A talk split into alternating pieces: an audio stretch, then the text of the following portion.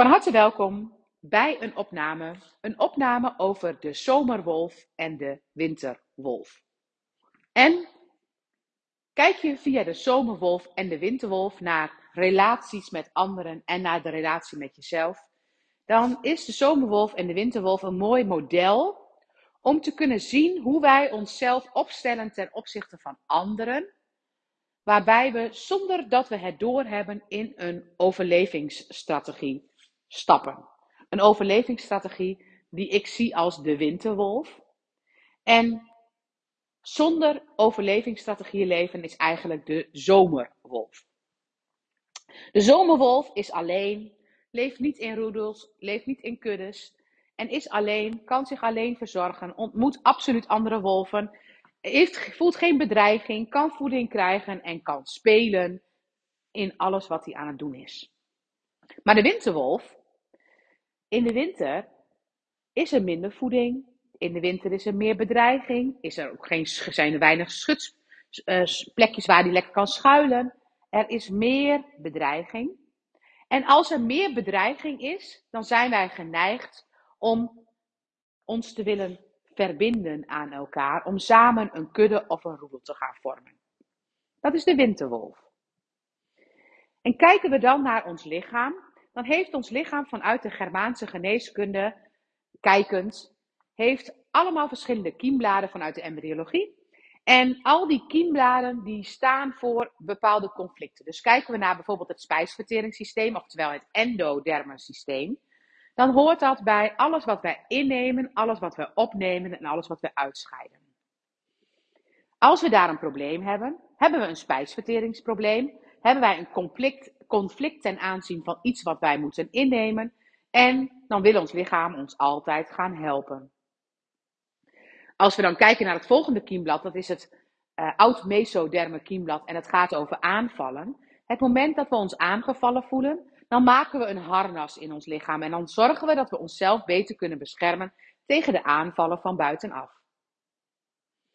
Als we dan kijken naar het nieuw mesoderme kiemblad, en het is nog steeds niet het verhaal van de zomerwolf en de winterwolf, maar ik loop er even, of ik, probeer even iets uit te leggen in het systeem daarvoor.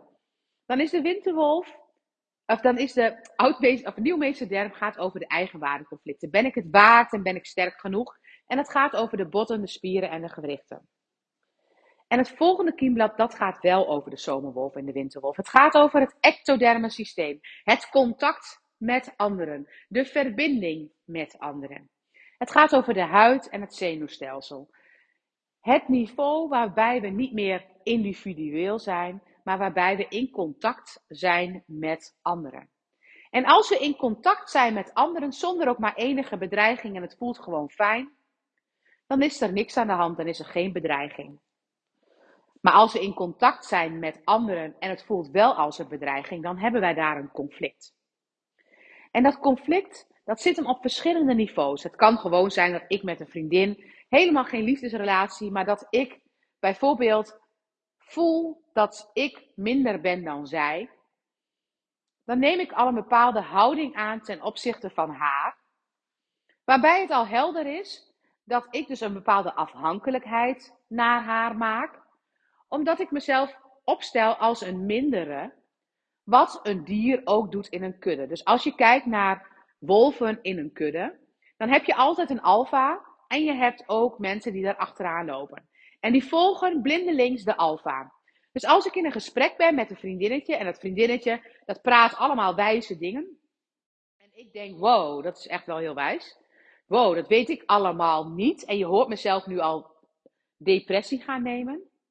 Dan ga ik mezelf een soort van afhankelijk opstellen van haar ten aanzien van die kennis. Helemaal niet erg.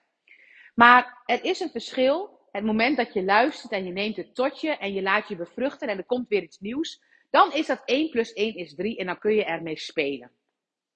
Maar zo gauw ik vind dat die ander daardoor meer is of meer kent, dan is het geen 1 plus 1 is 3, maar dan wordt er een afhankelijkheid gemaakt.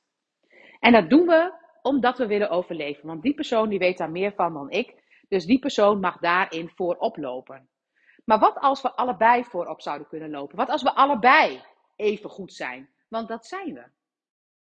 Dus wat wij doen in het ectoderme systeem, en dat doen we echt dagelijks in allemaal relaties, dat is soms meer en minder denken. Oftewel, ik ben de alfa en de ander is de beta. Of die persoon weet heel veel, dus ik ga mij minder waardig voelen ten aanzien van dat stukje ten opzichte van de ander. En overal waar we dat doen, dat zijn vaak momenten die we vroeger als kind al hebben gekend, waar we op onze plek gezet werden, waar eventjes duidelijk gemaakt werd van ho ho, ik ben de baas, als een ouder dat bijvoorbeeld doet ten opzichte van kinderen. Als je kijkt naar deze thema's, dan zijn alle aandoeningen van longen, hart, blaas, uh, aanbijen, lever, galblaas gaan allemaal over ectoderme thema's. Uh, ik moet zeggen dat ik alle misschien wel heel zwart-wit maak, want er zitten ook bepaalde endoderme thema's in. Dus niet 100%, maar wel de scheiding, verbindingsthema's van longen en van hart en van de blaas en van uh, de maaglever, galblaasgebied. Dat zijn allemaal thema's die horen bij het territorium, horen bij scheiding en verbinding. En dat zijn thema's waar wij iets uitwisselen met elkaar. En in die uitwisseling is er een meer en een minder. En een meer en een minder is helemaal niet erg. Het is zelfs soms heel erg nuttig. Maar het is alleen maar nuttig als het de overleving dient. Dus stel je voor, wij, ik ben een vrouwtje en mijn man is een mannetje. En we hebben jonkies. Dan is het super nuttig dat mijn man reageert vanuit een bepaalde houding. En ik reageer vanuit een vrouwelijke houding. Alleen maar om te overleven. Allebei reageren we vanuit de alfa. Dat, dat het vrouwtje zeg maar, op haar nestje zit en in een, uh, zich probeert te verstoppen. Dat betekent niet dat ze minder is. Dat, dat betekent dat zij ook de alfa is voor haar mannetje. En dat ze samen de kinderen gaan beschermen. Dus emancipatie, het is interessant om daarnaar te kijken. Want het moment dat jij geëmancipeerd wil zijn, vrouwen zijn belangrijk dan heb jij dus in je systeem dat vrouwen minder waardig kunnen zijn. Terwijl die vrouw die een kip is, als een haan en een kip samenleven, die kip is net zo goed een alfa. Want die doet ook iets net zoveel als wat het haantje doet in het territorium, doet het vrouwtje op het nest. Oftewel, als ik kijk naar het huishouden in een gezin, en we zeggen van vader die uh, verdient het geld en moeder doet het huishouden, dan hebben we misschien wel eens gedacht dat het huishouden minder waardig was.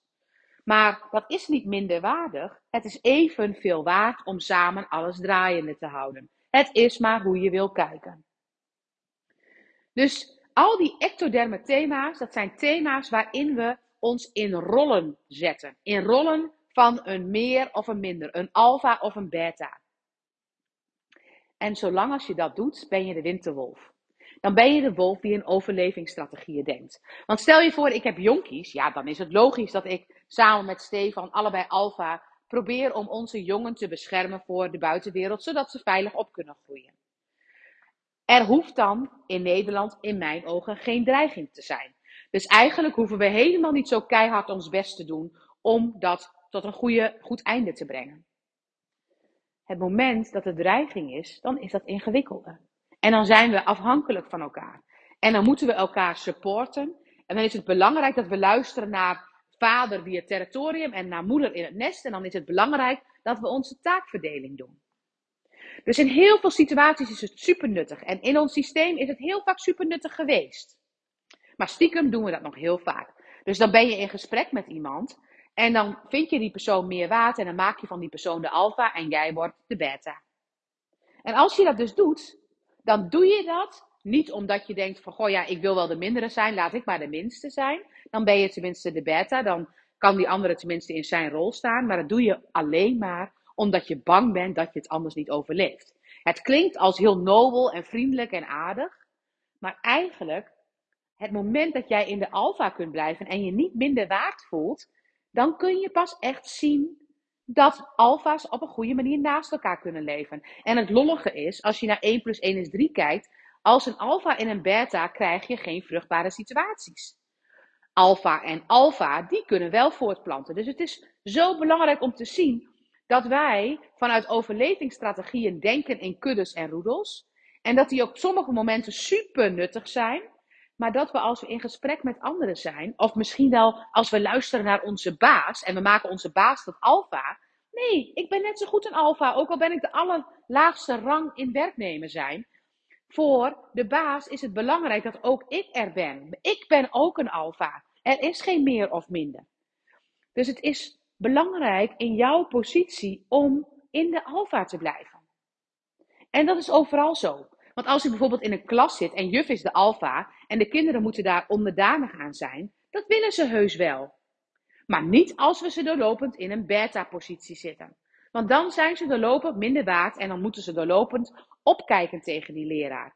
Het moment dat wij die kinderen in een volledige alfa kunnen zien en ik alfa kan zijn in de kennis die ik heb, dan kan ik jullie allemaal bevruchten. Als ik hier zo praat en jullie denken van wauw, zij heeft veel kennis, dan ben ik de alfa van de kennis die jullie zouden willen opnemen. Maar als jullie dan nu aan de andere kant van de podcast denken van oh, dat weet ik nog niet en oh, dat weet ik nog niet en oh, dat weet ik nog niet, oh, dat weet ik nog niet. Dat is niet fijn voor mij, want dan word ik tot alfa gemaakt en dan word ik in een positie alleen neergezet en dan word ik in een bepaalde ja, verkeerde positie neergezet. Maar jezelf maakt jezelf minder waard krijg je superveel klachten van. Nooit doen.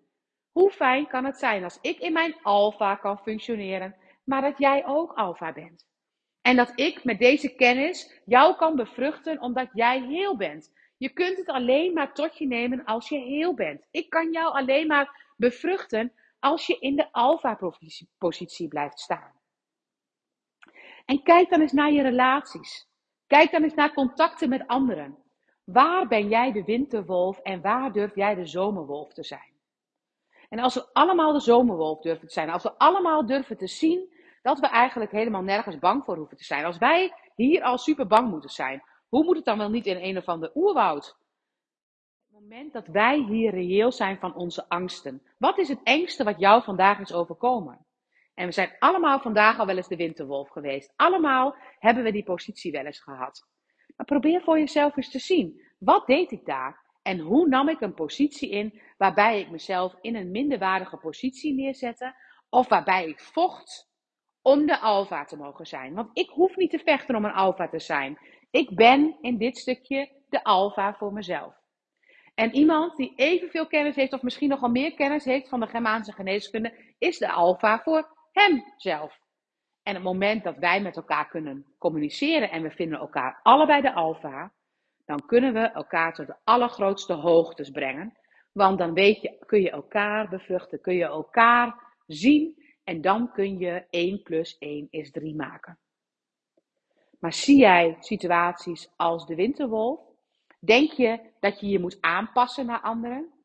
Denk je dat je minder waard bent? Of denk je soms dat je moet bewijzen dat je meer waard bent? Want dat is net zo bijzonder dan denk je in meer of minder. Dan denk je dat je jezelf moet gaan bewijzen. En dan denk je dus dat je niet de alfa bent, dat je moet vechten voor de alfa-positie. Terwijl het enige wat je maar hoeft te doen, te zien dat elk mens hier op aarde een alfa is. Want wij kunnen in principe als de zomerwolf leven. En op het moment dat er dan een nare situatie is, dan is het goed dat wij als vanzelf overschakelen naar de winterwolf en kiezen voor de strategieën die volgens ons nodig zijn om te overleven.